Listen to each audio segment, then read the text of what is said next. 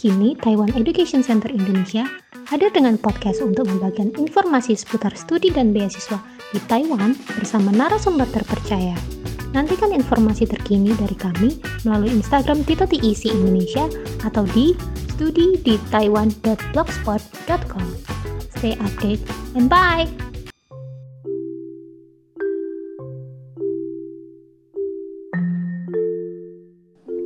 Selamat datang di TIC Podcast episode 5. Saya Tirta Amarta dari TIC Regional Jakarta yang memimpin sharing session di podcast kali ini.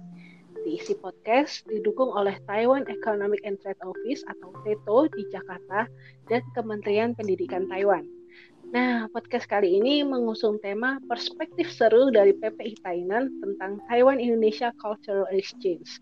Jadi teman-teman, Taiwan eh, Tainan ini merupakan salah satu kota terbesar di Taiwan di mana teman-teman juga bisa menjumpai kampus-kampus favorit di Taiwan. Tentunya sudah banyak banget teman-teman mahasiswa dari Indonesia yang melanjutkan studi di kota Tainan. Nah, bagi teman-teman yang ingin studi di Tainan, pasti nanti akan bertemu dengan salah satu perhimpunan pelajar Indonesia atau PPI terbesar di Taiwan, yaitu PPI Tainan. Nah, podcast kali ini akan membahas salah satu sisi menarik dari studi di Taiwan, di mana tidak hanya menimba ilmu dari para pakar di Taiwan, tapi juga berkesempatan mengalami sendiri Taiwan Indonesia Cultural Exchange. Nah, selain belajar tentang budaya Taiwan yang sangat menarik, teman-teman juga bisa berkesempatan mempromosikan budaya dan pariwisata Indonesia loh di Taiwan. Nah, seperti teman-teman kita dari PPI Tainan ini, seru banget nih. Mereka belajar budaya Taiwan dengan membentuk full team untuk ikut Dragon Boat Festival 25 Juni yang lalu. Dragon Boat Festival ini acara tahunan yang juga diadakan di kota Tainan. Jadi ini seperti lomba dayung perahu naga khas Taiwan gitu loh. Tapi pesertanya tidak hanya tim lokal, tapi juga biasanya diramaikan oleh mahasiswa-mahasiswa internasional dari berbagai negara wah kalau PPI Tayur Tainan ini bikin full team itu asli niat banget sih teman-teman. Nah, selain itu, teman-teman PPI Tainan juga pernah menyelenggarakan suatu event besar namanya Indonesia Culture Day atau disingkat jadi ICD di tahun 2019 lalu. Jadi ICD ini salah satu pameran budaya Indonesia yang diadakan di, tai, uh, di Taiwan, teman-teman. Dari tarian, uh, pameran baju adat, musik, makanan khas Indonesia, semua ada di pameran ini. Menarik sekali ini. Uh, jadi PPI Tainan bisa memperkenalkan budaya Indonesia ke masyarakat lokal dan internasional yang ada di Tainan. Nah, podcast kali ini menghadirkan dua narasumber dari PPI Tainan, yaitu Kak Lia Paramita, mahasiswa doktoral di Institute of Basic Medical Science di National Cheng Kung University atau biasa uh, disingkat NCKU. Nah, Kak Lia ini juga sekarang menjabat sebagai Ketua PPI Tainan dan terlibat langsung di Dragon Boat Festival tahun ini. Halo Kak Lia, terima kasih sudah gabung ya. Halo Kak Tirta. Ya, nah selain Kalia ada juga Kak Peter Andreas Timotius, mahasiswa master di Biomedik uh, di Biomedical Engineering di kampus NCQ juga. Nah, beliau ini juga merupakan ketua Indonesia Culture Day atau ICD 2019. Halo Kak Peter, terima kasih juga udah gabung. Halo Kak Tirta, halo semuanya. Oke, nah uh, kita bincang-bincang dulu nih bareng Kak Lia tentang Dragon Boat Festival. Nah, sebetulnya Kak Peter itu juga uh, terlibat dalam Dragon Boat Festival uh, 25 Juni yang lalu. Uh, jadi nanti kalau misal Kak Peter kalau ada yang ingin dibagikan nggak apa-apa langsung aja. Oke, okay, pertanyaan. Oke, okay. pertanyaan pertama uh, buat Kak Lia dulu. Uh, kenapa sih uh, PPI Tainan itu tertarik untuk ikut daftar dan berpartisipasi di uh, 2020 Dragon Boat Festival. Oke, terima kasih Kak Tirta. Jadi seperti yang sudah tadi Kak Tirta sampaikan di awal bahwa Dragon Boat Festival itu kan um, acara tahunan dari pemerintah Taiwan dalam rangka memperingati uh, apa namanya bukan memperingati ini kayak uh, hari besar uh, di mana orang-orang Taiwan percaya bahwa Dragon Boat itu bisa menyingkirkan hal-hal buruk dan atau penyakit yang ada di Taiwan. Jadi mereka menyelenggarakan festival ini untuk uh, celebration gitu bagi mereka. Nah, untuk PPI Tainan sendiri ini tuh bukan pertama kalinya kita ikut festival Dragon Boat. Jadi sebelum-sebelumnya itu kita juga pernah ikut uh, misalnya di tahun 2017, 2018 dan yang terakhir kemarin tanggal 25 Juni 2020. Nah, jadi kenapa kita berpartisipasi di situ? Karena kita ngerasa oh kita uh, mahasiswa Indonesia terus tinggal di Taiwan, kita otomatis akan berkecimpung dengan culture di Taiwan. Dan ini adalah salah satu event di mana mahasiswa internasional, nggak hanya kita orang Indonesia, semua boleh berpartisipasi dan mereka sangat welcome untuk segala kalangan agar ikut di festival ini. Nah, untuk PPI Tainan, uh, kita sangat excited dan selalu berusaha untuk ikut di kegiatan ini karena memang kegiatan ini sangat fun gitu dan seru banget. Terus um, udah gitu jadi kak oke okay. ya ya ya uh, emang berapa sih anggota PPI Tainan yang kemarin uh, ikut uh, dayung di uh, di Dragon Boat Festival oke okay. jadi uh, kalau tahun-tahun sebelumnya biasanya PPI Tainan itu tidak hanya mengirimkan satu tim tapi karena uh, tahun 2020 ini kan kita ada COVID-19 hmm. kan. Jadi dari panitia sendiri tuh mereka ada pembatasan peserta maksimalnya berapa dan uh, di lomba itu ada kategorinya, misalkan kategori SMA, kategori umum, kategori perempuan aja kayak gitu. Dan setiap kategori itu kayak maksimal mungkin 50 tim atau berapa gitu. Semua ada kriterianya dan uh, jumlah maksimal peserta. Nah, sebenarnya kemarin tahun 2020 tuh kita sempat mendaftarkan dua tim. Kalau PPI Tainan sendiri anggotanya sebenarnya banyak banget karena kita punya 9 kampus. Kalau di total mungkin bisa 1.200 mahasiswa di Tainan. Sekitar itu. Iya, iya. Iya, iya. Cuman karena untuk event ini kemarin kita coba mendaftarkan dua tim. Hanya saja mungkin karena ada pembatasan itu tadi dan limit banget waktu yang uh, apa range waktu untuk pendaftaran itu sekitar lima hari doang. Dan di websitenya itu kan semuanya full Chinese tuh. Jadi kita mencoba mengerti uh, untuk daftarin di sini itu dengan segala kemampuan kita.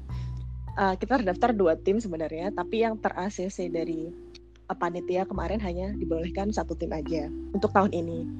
Kalau tahun sebelumnya kita sempat mengirim tiga tim. Wow. Gitu kan. Oke oke.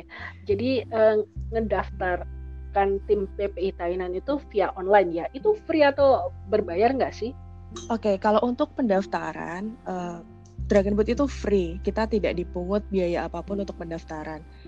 Kita hanya perlu mem membayar asuransi untuk setiap peserta. Itu harganya sekitar 100 NTD per orang. Iya, murah. Uh, kalau kalau tahun-tahun sebelumnya setiap tim yang berpartisipasi dalam Dragon Boat ini, government itu menyediakan subsidi sebesar 10.000 NT dolar per tim. Hanya tahun ini mungkin karena COVID-19 ya, jadi uh, ada pengurangan biaya atau apa, jadi tahun ini tidak ada subsidi 10.000 per tim. Jadi kita tidak mendapatkan apa pun di tahun ini. Oke, okay. uh, eh, menang nggak sih aslinya? uh, mungkin nanti Mas Peter bisa juga sambil sharing gimana keseruan dan pengalaman kemarin waktu ikut Dragon Boat. Okay. Uh, sebenarnya menurut sejarah kita, kita belum pernah sih juara umum sampai di level paling akhir belum pernah. Uh, kita mentok juara tiga kak oh. dari tiga peserta dan itu sesi pertama penjaringan. Jadi intinya kita kalah di awal. Gitu. Oke, yang penting fun. Oke, oke. Iya. Eh, bisa tolong Iya. ceritakan juga. Mungkin nanti Kak Peter bisa nambahkan setelah kali ya. Eh, tolong ceritakan Iya. suasana Dragon Boat Festival tahun ini gimana gitu. Compare sama tahun lalu gitu kan karena eh, kalian tadi juga udah bilang ini ada eh, pandemi gitu tapi tet- masih tetap bisa melaksanakan festival karena kan eh, seperti yang kita tahu eh, di Taiwan sekarang itu sudah zero case eh, COVID-19 itu sudah Iya. berbulan-bulan malah. Nah, eh, di festival sendiri ada nggak kerumunan penonton untuk festival tahun ini? Aha. Iya, ada. Jadi em, tahun ini itu sepertinya kalau menurut saya lihat beda banget dengan tahun-tahun sebelumnya. Kalau tahun ini setiap orang yang mau da- eh, masuk ke area Dragon Boat, jadi itu satu jalan gitu kan, sekitar 200 meter itu benar-benar ditutup dan untuk area Dragon Boat saja. Jadi siapa pun yang mau masuk dan menonton di kegiatan itu di area itu eh, kita harus wajib cek temperatur dan mendapatkan stem dari panitia, stempel di Hmm. tangan. Kalau kita mahasiswa asing, kita harus menunjukkan ARC atau student ID untuk bisa dapat stem tadi. Itu. Terus eh, ada kerumunan banyak banget. Mungkin kalau kalau dibandingkan dengan tahun sebelumnya memang jumlah penontonnya berkurang. Karena selain itu juga pemerintah Thailand tahun ini mereka memang dari awal sudah menginfokan bahwa dihimbau kepada seluruh penonton supaya tidak datang ke lokasi. Mereka menyediakan channel khusus via YouTube. Eh, waktu itu kalau nggak salah itu siaran langsung. Jadi siapa saja bisa nonton di channel YouTube di Thailand Government. Mungkin nanti saya bisa share linknya karena kebetulan nama YouTube-nya Chinese gitu. Oke. Iya, iya. Jadi ada banyak banget juga. Oke, kalau dari Kapiter sendiri, eh, gimana perasaannya waktu ikut Dragon Boat Festival? Gitu? Capek nggak? Iya mbak capek. tapi Kayaknya capek tapi banget ya. capeknya ya apa capek yang lega yang menyenangkan gitu. Karena kan tahun lalu eh, tidak ikut tuh kak. Eh, dan dua tahun lalu juga belum tahu kalau ada festival semacam Dragon Boat karena eh, dua tahun lalu baru masuk ke Taiwan. Jadi tahun ini pertama kali pengalaman dan ya ya kayak kalau di Indonesia tuh kayak seramai pasar malam tapi siang-siang gitu kan Oke, oke. jadi itu rame banget dan ya capeknya karena kita kan itu kita lagi summer summernya lagi terik teriknya dan kita berlomba udah gitu pakai pelampung lagi kan makin pengap jadi ya udah kecipratan air sungai kecipratan keringat teman dan keringat sendiri ya. tapi puas sih akhirnya bisa ngerasain cara ngedayung tuh kayak gimana sih gitu. Oh, iya ya. BTW bisa tolong ceritakan nggak? Eh, mungkin Kak Lia, Kak Peter nanti bisa nambahkan juga gimana caranya PPI Thailand mempersiapkan perahu maupun peralatan lainnya, baik untuk berlatih dayung ataupun pelaksanaan gitu. Atau eh, hari H itu baru tahu eh, oh ngedayung itu kayak gini gitu. Bisa ceritain nggak? Oke, jadi kalau PPI Thailand sendiri kita nggak ada menyiapkan apa pun untuk peralatan kayak perahu dan lainnya tidak. Tapi dari panitia mereka menyediakan fasilitas uh, rehearsal. Jadi satu hari itu sekitar satu 50 menit kalau nggak salah kemarin. Jadi 50 menit itu kita diberikan waktu untuk berlatih di sungai tempat kita uh, race beneran itu. Ada perahu, ada dayung lengkap dengan uh, yang jagain, ada kayak kakek-kakek yang jagain di perahu itu nanti kalau mungkin perahunya nggak seimbang dia akan Jatuh, Apa ya? gitu. membantu bantu iya bantu arahnya gitu. Hmm, Itu kita dikasih waktu sekitar 50 menit buat latihan langsung. Jadi kalau sebelum hari H latihan itu kita sih kemarin nyoba buat kayak latihan kecil exercise gitu, peregangan badan dan lain-lain, lari kecil. Walaupun nggak nggak apa nggak intens selama kurun waktu seminggu atau dua minggu misalkan. hmm. Tapi beberapa teman-teman ya latihan exercise sendiri gitu, supaya nggak nggak kaget ototnya ketika latihan. Terus kalau latihannya yang benar-benar latihan mendayung ya pas rehearsal tadi 50 menit waktu yang diberikan itu kita benar-benar latihan. Jadi di latihan itu juga kerasa banget capeknya dan teknik mendayung yang benar pun kita belajarnya di situ. Kalau sebelumnya mungkin latihannya pakai ini kita kemarin. Jadi pas kita latihan lima hari sebelum rehearsal itu kita kumpul satu tim dan kita nyoba. Jadi teman-teman bawa sapu lidi masing-masing gitu kan. Anggap aja itu dayungnya gitu. Kita nyoba kayak gimana sih cara megangnya dan cara masukin dayungnya itu di air gimana caranya narik seperti itu tapi itu pakai sapu doang pas kita latihan jadi pertama kali banget kita megang dayung yang benar ya pas rehearsal itu gitu Oke okay, oke okay. seru banget nih. Kalau kaos atau seragam gitu disediakan panitia atau uh, pakai kaos terserah gitu? Nah itu, so far uh, yang saya tahu uh, tiga kali Dragon Boot di sini kita nggak pernah punya seragam. Jadi kayak ya udah kita pakai baju warna apa gitu misalkan. Kalau yang dua tahun yang lalu sih karena kita punya tiga tim jadi seragamin warna aja. Misalkan tim satu merah ya tim dua hitam tim tiga pakai warna hijau gitu. Kalau yang tahun ini itu benar-benar kayak udahlah kita pakai baju bebas aja gitu. Karena pas latihan kayak percuma kita pakai seragam tuh juga kita ketutupan pakai apa ini? Pelampungnya gitu kan. Jadi yang tahun ini kita nggak benar-benar nggak pakai seragam apa pun bahkan warna juga bebas aja gitu. Oke okay, oke. Okay. ya uh, buat Kak Peter deh ini saat festival momen apa yang paling seru yang dialami teman-teman PPI Tainan di sana? Momen yang paling seru itu uh, apa? Karena berasa banget pas kita mau mulai start lombanya itu kan di tengah sungai yang mana kiri kanannya itu orang-orang banyak menonton tuh mbak. Hmm. Jadi tuh kayak terus ada yang uh, kasih cayo cayo ya kayak semangat semangat gitu kan dalam bahasa Mandarin terus kayak wah berasa sejenak jadi artis olahraga gitu kan.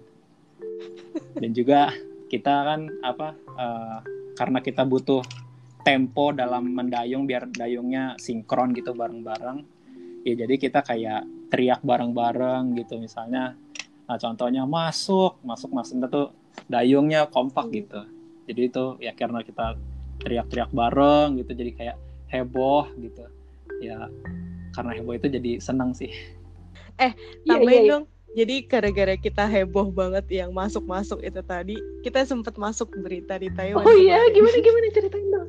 Jadi karena kemarin kayak tadi Mas Peter bilang bahwa pas lomba itu kita satu tim teriak kayak masuk masuk gitu. Itu untuk seragamin dayung kan. Nah karena hal itulah wow. kita kemarin sempat masuk di siaran TV Taiwan eh Taiwan atau Tainan uh, ya jadi mereka itu memberitahukan di di berita itu bahwa inilah mahasiswa Indonesia yang berpartisipasi dalam Dragon Boat dan mereka semangat dan luar biasa sekali kompak seperti itu. Wah, seru-seru. Ya, pengalaman dong. Iya, Kak. Nah, udah ada rencana lagi nggak untuk ikut Dragon Boat Festival tahun depan? Kalau rencana sih pasti ada, karena um, ini tuh kayak udah diagendakan acara rutin tahunan PPI juga seperti itu.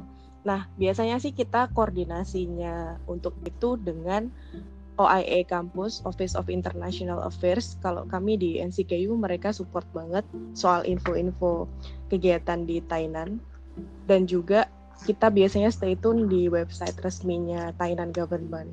Biasanya mereka akan selalu hmm, update info okay, di situ okay. ketika Atau ada event di uh, Tainan. Memang gitu kan. disarankan oleh OIA gitu. Oh, uh, eh, PPI Thailand ikut dong gitu atau anak-anak NCQ ikut dong gitu di Dragon Boat Festival gitu atau memang ya ya kayak yang tadi Kalia bilang gitu ini memang diagendakan oleh PPI Thailand sendiri. Ya, kalau kita diminta oleh OIE sih enggak, tapi mungkin karena kita sudah sering ikut, jadi OIE setiap kali mendapatkan info soal Dragon Boat, kita tuh pasti dikasih tahu gitu dari uh, Indonesian Student Association itu pasti dikasih tahu duluan. Karena uh, yang saya tahu yang biasanya ikut dari MCKU itu kalau nggak International Student Association uh, anak-anak di IMBA Manajemen Business Administration Ah, dan oke, kita oke. di Jadi PPI Tainan. juga Biasanya ya. tiga, eh, tiga tim itu. Wah, keren keren. Oke, ditunggu cerita eh, serunya tahun depan Iya, gimana gitu. iya. Oke, sekarang kita bahas tentang Indonesia Culture Day atau ICD eh, 2019 dengan Kak Peter yang dulunya juga ketua ICD 2019. Nah, karena eh, Kalia sendiri itu juga terlibat di ICD tahun lalu, mungkin nanti Kalia juga bisa nambahin ya. Oke, Kak Peter, Eh, bisa tolong eh, ceritakan singkat aja tentang apa peran dan kontribusi Kak Peter dalam persiapan dan pelaksanaan ICD tahun lalu. Ya, jadi tahun lalu saya berperan sebagai ketua pelaksana yang mana saat itu eh, saya mengkoordinasi eh, persiapan panitia, persiapan penampil dan juga eh, eh, mengkoordinasi dengan pihak-pihak yang sekiranya kita bisa jadikan sponsor, terutama eh, Kementerian Pariwisata Indonesia sebagai sponsor utama kita. Wow, dap- eh, berarti seperti dapat dana juga ya dari Kementerian Pariwisata. Itu eh, mengajukan proposal gitu atau mungkin eh, memang eh, setiap tahunnya Kementerian Pariwisata tahu kalau misalnya PPI Tainan mengadakan ICD. Jadi tahun lalu juga pas dengan uh, ada rencana gra- grand design dari uh, PPI Taiwan sendiri. Nah, di situ juga mungkin uh, setelah ini Kalia bisa uh, bantu menambahkan karena Kalia juga salah satu pihak yang membantu uh, panitia saya untuk berkoordinasi dengan Kementerian Pariwisata karena saat itu Kalia juga ambil bagian di PPI Taiwan. Jadi uh, untuk kayak uh, perizinan sponsor-sponsornya itu kita uh, membuat proposal lalu menjelaskan secara singkat uh, tentang akan ada apa saja yang kita tampilkan di exhibition lalu ada kayak rincian kasaran uh, anggaran-anggarannya seperti apa lalu kita uh, uh, asistensikan ke PPI Taiwan di mana juga Kalia juga turut membantu agar bisa kita tahu ini anggarannya mungkin bisa di adjust seperti ini terus uh, coba desain uh, tampilannya tuh diedit biar lebih menarik gitu. Lalu nanti kaliannya berserta uh, dari PP Taiwannya yang membantu meneruskan ke pari, Kementerian Pariwisata. Hmm, oke. Keren, keren, keren. Ya mungkin kalian ada tambahan eh, tentang ICD tahun lalu, eh, persiapannya gimana, kontribusi kalian apa gitu. Mungkin Kak Peter sama kalian juga eh, nari bareng gitu atau masa bareng. Iya. Jadi kalau masalah konsep dan pelaksanaan memang Mas Peter lebih tahu. Kalau Wow. saya mungkin lebih paham ke proses komunikasi dengan Kemenpar kemarin. Jadi memang kita itu eh, karena kebetulan kemarin itu saya di PPI Taiwan di divisi eksternal kita punya program untuk membuat Indonesian Cultural Month yang mana sebenarnya ini uh, adalah Indonesian Cultural Day. Konsepnya adalah Indonesian Cultural Month. Jadi dalam satu bulan itu kalau nggak salah Oh. dari November ke Desember itu bergantian pelaksanaan Indonesian Cultural Day di tiga kampus ini.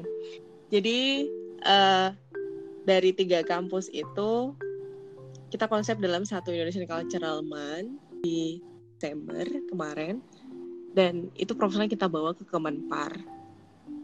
Nah, jadi kita komunikasikan dengan mereka untuk konsep dan segala macam. Kemudian kemarin mereka juga uh, memberikan ide untuk penyelenggaraan Indonesian Cultural Month-nya dan mereka juga ikut datang ke Taiwan. Wow. Kebetulan kemarin yang di Ciai mereka berhalangan karena pada saat itu Ciai kan penyelenggaraannya di November. Jadi mereka pada saat bulan November itu kebetulan ada kegiatan lain. Jadi mereka nggak bisa ikut yang November. Tapi yang untuk di Tainan dan di Kaohsiung yang penyelenggaraan di bulan Desember mereka ikut hadir di Taiwan dan berpartisipasi gitu. Jadi mereka kayak buka stand juga promosi pariwisata di promosi pariwisata yang ada di Indonesia di Taiwan. Gitu. Ah, oke oke oke. Eh, Kak Peter lagi nih. Bisa tolong ceritakan uh, seperti apa sih uh, ICD 2019 ini uh, kegiatan rutin berarti ini kayak kegiatan rutin tahunan ya yang dilaksanakan oleh PPI Tainan. Mungkin nanti juga bisa dijelaskan uh, lokasinya di mana gitu kalau misalnya yang ICD PPI Tainan ini terus gitu uh, seni apa aja yang ditampilkan ya bisa tolong diceritakan. Okay. Jadi kalau uh, ICD exhibition sebagai acara tahunan uh, sebenarnya enggak kak. Jadi yang acara tahunan yang biasa diselenggarakan PPI Tainan adalah malam kesenian. Biasanya acaranya itu di dalam hall uh, malam-malam. Hanya karena tahun lalu itu bertepatan dengan 10 tahun sudah berlangsungnya ICD di PPI Tainan. Jadi uh, kita juga uh, menambahkan exhibition agar ada sesuatu yang spesial gitu. Hmm. Nah, nah jadi yang uh, ICD exhibition ini uh, terlaksana di kampus Nasional Cheng University di Tainan di NCKU uh, tanggal 7 Desember itu hari Sabtu. Nah, uh, acaranya itu uh, seperti yang sudah Kak Tirta sebutkan meliputi uh, uh, aktivitas yang berhubungan dengan Indonesia. Misalnya kayak kuliner Indonesia itu tuh kan kayak ada gorengan-gorengan tempe itu tuh tempe kan jarang banget tuh di Taiwan tuh kak. Oke oke. Okay, okay. ya, jadi kalau mau nemuin tempe datang ke exhibition kita. Nah uh, selain itu juga ada bakso terus kuliner khas uh, mie instan khas Indonesia yang sudah namanya menggaung di center dunia. Bener. Ini nggak boleh nggak boleh sebut produk ya mbak? Ya? Iya iya iya. Oh, thank you thank you. Jangan sebut, jangan sebut merek ya. Iya. Nah itu dan selain kuliner kita juga ada game tradisional yang biasa dilakukan kalau kita Agustusan nih lomba makan kerupuk terus lomba bakiak gitu yang melibatkan uh, para hadirin yang kebetulan lewat nih kita tarik-tarik dan juga jadi pas pas itu tuh yang lomba makan kerupuk malah orang-orang dari Amerika Latin, orang-orang dari Eropa itu jadi mereka kita ajarin cara makan kerupuk ala orang Indonesia kalau Agustusan itu seperti apa. Dan juga uh, kita juga uh, merasa, uh, saya juga merasa beruntung banget karena dapat uh, uh, sponsor dari Kementerian Pariwisata di mana uh, pihak Kementerian Pariwisata juga turut mengirimkan tim tari tradisional dan juga pemain musik sasando yang Wah. terkenal sudah terkenal banget itu Mas Berto Wah, yang Mas dulunya Berto. ikut ya, Indonesia ya, mencari bakat 2010 atau 2000 berapa ya, Mas saya itu lupa. udah lama itu udah iya iya tahu Mas tapi itu keren banget jadinya uh, kita saling sembari uh, penonton para hadirinnya tuh melihat-lihat stand-stand kita dapat juga kita lihat tonton um, musik sasando dari Mas Berto dan juga tari tradisional. Gak hanya dari Kementerian Pariwisata juga tapi dari teman-teman kita yang di Thailand ini juga uh, turut uh, berpartisipasi uh, menari gitu. Dan juga selain itu kayak kita juga ada stand batik. Jadi hmm. buat para hadirin juga bisa merasakan gimana sih caranya nggak batik yang seperti di Indonesia yang pakai canting, pakai malam gitu. Oke, seru banget nih. Uh, tadi kan sudah diceritakan spon uh, salah satu sponsorshipnya gimana untuk IC di tahun lalu. Nah, uh, bisa tolong ceritakan juga uh, cara perizinan uh, ICD itu kayak gimana, uh, Kak Peter? Jadi kalau untuk acara perizinannya itu uh, pertama kita uh, mencoba untuk menyewa uh, area di mana kita ingin mengadakan exhibition. Karena di daerah dalam kampus, jadi kita berkoordinasi dengan birokrasi kampus, kampus NCKU di Tainan, dan juga itu kan perizinannya juga meliputi uh, penggunaan listrik, terus apakah akan ada uh, api atau tidak seperti itu berbayarkah kalau perizinan penggunaan gedung kampus? Nah, untuk itu juga uh, saya juga beruntung merasa beruntung karena saat itu kita uh, bebas biaya untuk peminjaman venue. Wow. Ya ya ya keren dan, keren. Dan uh, jadi kita bisa alokasikan dana untuk uh, anggaran yang lain misalnya kita kan juga menyewa panggung dan sound system nah uh, sewa panggung dan sound system itu yang memakan biaya uh, paling banyak. Selain itu juga kita untuk uh, persiapan stand-stand misalnya uh, menyiapkan kulinernya menyiapkan uh, kostum buat tari-tari tradisionalnya juga itu kita juga uh, perlu menyiapkan juga untuk uh, anggarannya juga. Tapi kalau perizinan sih ya itu sih apa lebih ke arah penyewaan uh, tempat venue-nya Oke, uh, emang gimana sih cara nyiapkan tarian, kostum, terus gitu peralatan pendukung atau mungkin uh, kulinernya juga gimana cara uh, mempersiapkannya? Kan kalau misalnya kostum nggak nggak bisa sembarangan gitu juga. Uh, berapa lama sih waktu yang dibutuhkan untuk nyiapin juga tariannya, kostum, terus gitu juga kulinernya, gimana? Kalau saat itu persiapannya kurang lebih memakan waktu 1 sampai dua bulan. Jadi uh, begitu kita tahu uh, kita dapat tempat di sini tanggal segini, kita mulai uh, menyiapkan dari mencari sponsor, lalu juga menyiapkan pihak siapa saja yang akan kita dekatin untuk bantu kita uh, berjualan pas kuliner uh, di stand kuliner lalu kita juga menyiapkan panitia untuk games tradisional dan panitia juga untuk uh, mengordinir uh, satu rangkaian acara agar tidak overtime karena kita kan juga uh, perizinannya itu dalam jangka waktu tertentu seperti itu kak. Jadi satu sampai dua bulan. Wah sangat serius sekali ya persiapannya satu sampai dua bul bulan. Terus gimana dong uh, respon penonton mahasiswa internasional atau uh, mahasiswa dan dosen lokal yang menonton ICD? Uh, responnya puji Tuhan uh, bagus dan juga banyak yang ngasih feedback positif. Uh, misalnya ada dosen uh, yang uh, mengajar di NCKU dan dia bilang kegiatan seperti ini tuh harus dirutinkan ya tahun depan harus ada lagi nih misalnya seperti itu. Lalu juga untuk OIA-nya NCKU, Office of International Affairs seperti yang Kak Lia singgung tadi, sampai mereka pun uh, meminta kita untuk mempresentasikan uh, istilahnya mempresentasikan bagaimana caranya kita untuk uh, untuk mengadakan ex exhibition seperti ini yang kita juga mengajukan uh, proposalnya seperti ini yang sistematis seperti ya bisa dijadikan contoh untuk uh, International Student Association lainnya misalnya untuk kalau misalnya mahasiswa dari negara lain mau mengadakan event seperti ini, contohlah PPI Thailand seperti itu. Sampai, keren.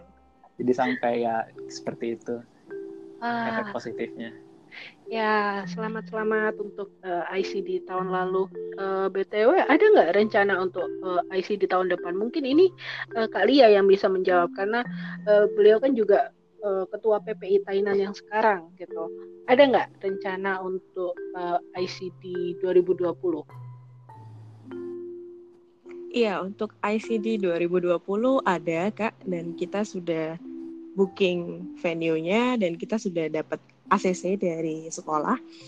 Uh, insya Allah itu akan diselenggarakan tanggal 17 November 2020 jika tidak ada kendala. Uh, otomatis kita sih kemarin sebenarnya agak sedikit ragu apakah kita bakal di ACC karena mengingat COVID-19 hmm. gitu kan. Tapi ternyata setelah kita kayak tadi Mas Peter bilang kita diminta untuk presentasi kepada mereka apa saja penanggulangan kita terkait dengan COVID-19.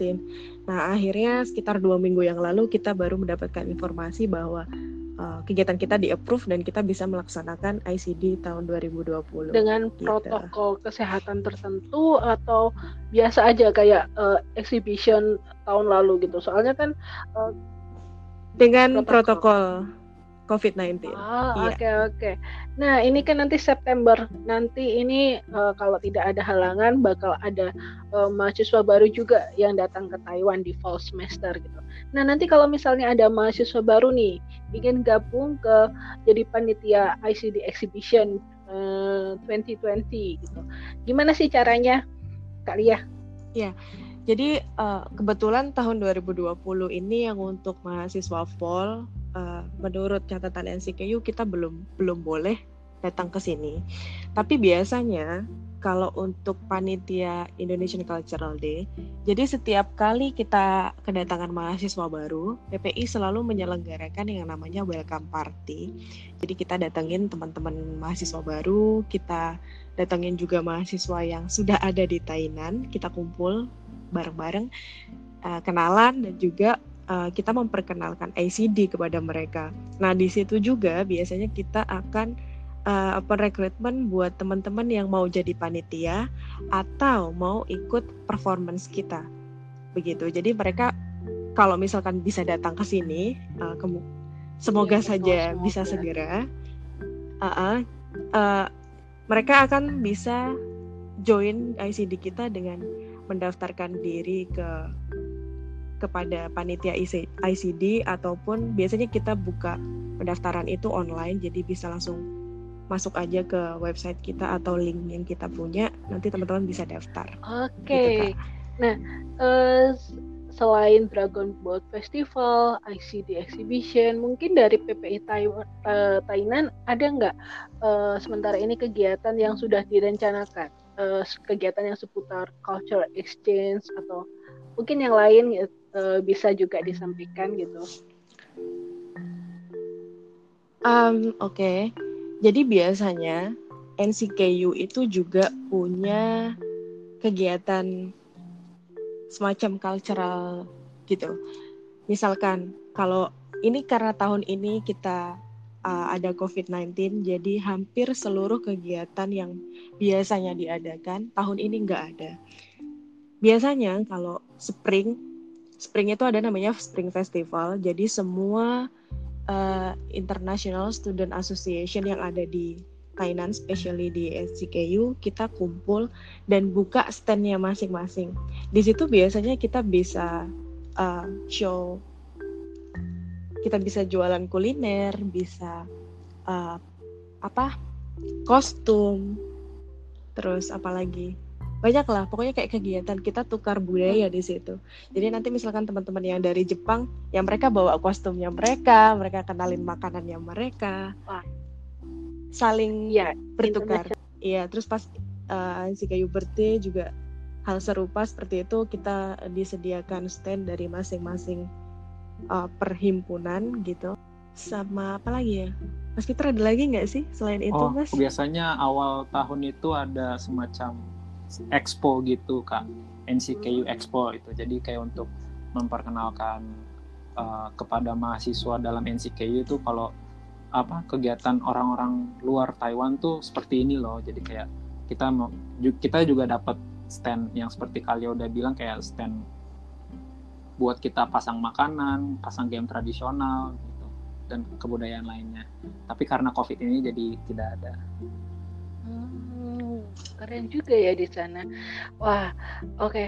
Uh, eh, sebetulnya ini kita sudah sampai di penghujung pertanyaan. Nah, uh, mungkin dari kalian, Kak Peter, uh, Kak Peter dulu deh, punya pesan nggak yang ingin disampaikan kepada pendengar yang ingin melanjutkan studi di Taiwan? Jadi buat teman-teman uh, yang sekiranya uh, ada kepikirannya untuk melanjutin ke Taiwan atau enggak, tidak perlu bingung lagi langsung saja daftar.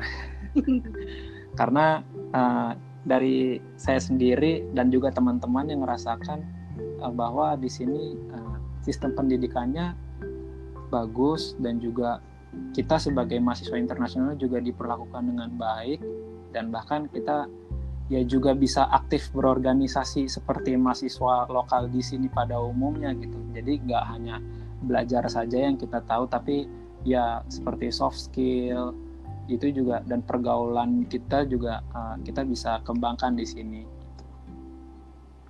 Oke, thank you Kak Peter. Mungkin kalian ingin menambahkan kalau mungkin ada pesan untuk pendengar yang ingin studi di Taiwan?